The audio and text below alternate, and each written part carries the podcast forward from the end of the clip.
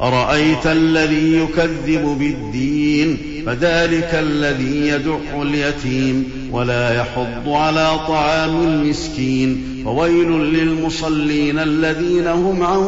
صلاتهم ساهون الذين هم يراءون ويمنعون الماعون